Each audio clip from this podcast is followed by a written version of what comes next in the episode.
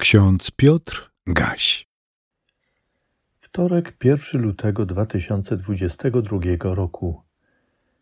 W drugiej księdze królewskiej, w 19 rozdziale 30 wersecie czytamy: Pozostała przy życiu resztka domu Judy zapuści korzeń w głąb i wyda owoc w górze. W liście do Rzymian w 11 rozdziale 16 wersecie czytamy: jeśli korzeń jest święty, to i gałęzie. Bóg jest Panem dziejów. Nie wszystko, co czyni człowiek w tym świecie, dzieje się zgodnie z Bożą wolą. Natomiast nic nie dzieje się bez woli Boga. Jeśli nawet Bóg dopuszcza, aby zło rozsiadło się, to jeszcze nie oznacza, że Pan popiera zło. Bóg jedynie przypomina nam, że w swoim wielkim miłosierdziu okazuje cierpliwość i czeka na nasze upamiętanie, na nawrócenie nas, grzeszników. Bóg niezmiennie jest Panem dziejów. Czytamy o tym również w księgach historycznych Starego Testamentu. Kiedy król podejmował decyzje, brał pod uwagę pozycję geopolityczną swojego królestwa – uwzględniał zagrożenia wewnętrzne, zewnętrzne i reagował na nie. Ważył swoje siły, a kiedy stwierdzał, że są niewystarczające dla rozwiązania kryzysu, szukał sojuszników. Jeśli ich nie pozyskał, podejmował taktyczną decyzję o poddaniu się. To było lepsze niż walka za cenę wielkich ofiar w ludziach i cenę materialnych szkód.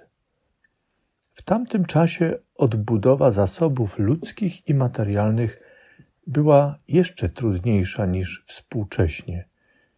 Wymagała dłuższego czasu, musiała być rozłożona na większą liczbę pokoleń, a odbudowywane królestwo stale było narażone na niebezpieczeństwo ze strony silniejszych.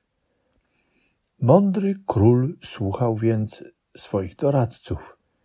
Kierował się swoją wiedzą i doświadczeniem, ale nie na końcu także modlił się i pytał o wolę Pana. W takiej modlitwie i pytaniu o wolę Pana wielkim wsparciem dla króla byli prorocy. Dzisiejsze hasło starotestamentowe jest wyjęte z wyroczni proroka. Tej wyroczni oczekiwał król Hiskiasz, znany też pod imieniem Ezechiasz. Hiskiasz i dom Judy otrzymali znak od Boga. Za sprawą Pana dziejów lud miał doznać ocalenia.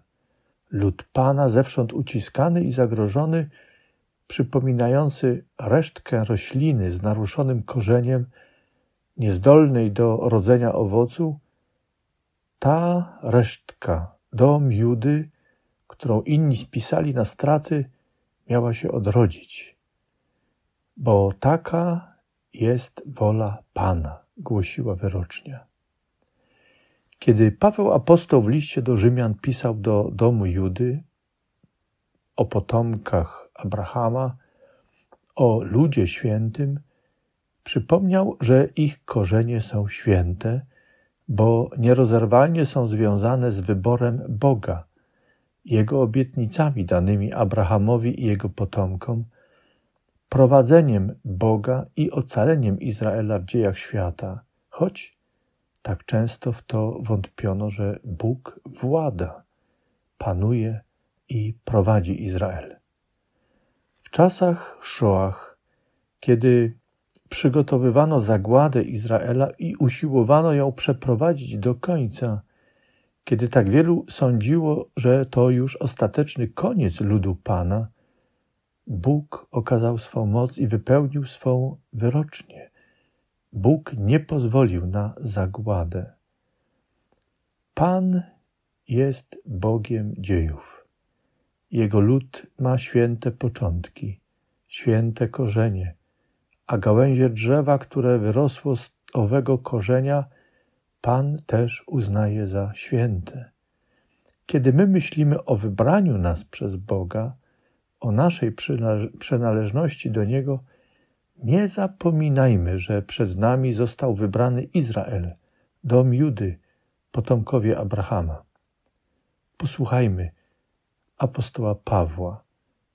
Cytuję: Nie wynoś się nad gałęzie, a jeśli się chełpisz, to pamiętaj, że nie ty dźwigasz korzeń, lecz korzeń ciebie. Kościół objęty drugim przymierzem, nowym przymierzem, nie może wynosić się ponad Izrael. Powinien czerpać z doświadczenia Izraela, ludu pierwszego przymierza. Pamiętajmy, lud pierwszego przymierza Izrael oraz lud drugiego przymierza Kościół, razem jesteśmy wielkim ludem Bożym, który Bóg zbawia. A pokój Boży, który przewyższa wszelkie zrozumienie, niechaj strzeże serc i myśli naszych w Chrystusie Jezusie Panu i Zbawicielu naszym. Amen. Więcej materiałów na www.trojca.waw.pl